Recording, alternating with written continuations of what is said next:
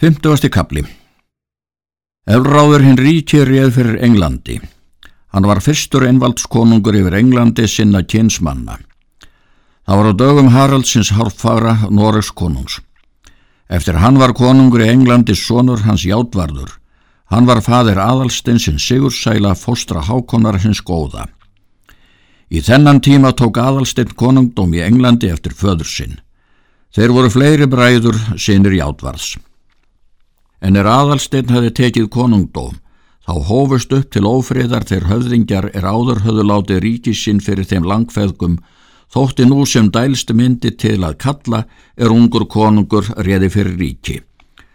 Voru það bæði brettar og skotar og írar. En aðalstinn konungur sapnaði herliði að sér og gaf mála þeim mönnum öllum er það vildu hafa til fjaffangs sér bæði útlenskum og innlenskum.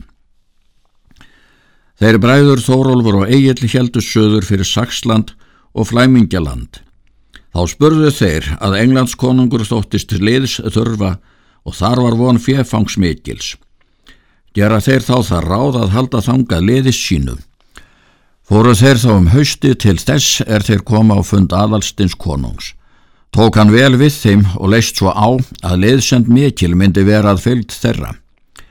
Verður það brátt í ræðum Englandskonungs að hann býður þeim til sín að taka þar mála og gerast landvarnar menn hans. Semja þeir það síni milli að þeir gerast menn aðalsteins. England var kristið og hafði lengi verið að þá er þetta var tíðinda. Aðalsteinn konungur var vel kristin. Hann var kallaður aðalsteinn hinn trúfasti. Konungur bað Þórólf og þá bræður að þeir skildu láta prímsignast því að það var þá mikill siður bæði með kaupmönnum og þeim mönnum er á mála gengu með kristnum mönnum því að þeir menn er prímsignaðir voru, hafðu allt samneiti við kristna menn og svo heina en hafðu það að átrúnaði er þeim var skapfeldast. Þeir Þórólfur og Egil gerðu það eftir bæn konungs og letu prímsignast báðir. Þeir höfðu þar 300 sinna manna, þeirra er mála tóku af konungi.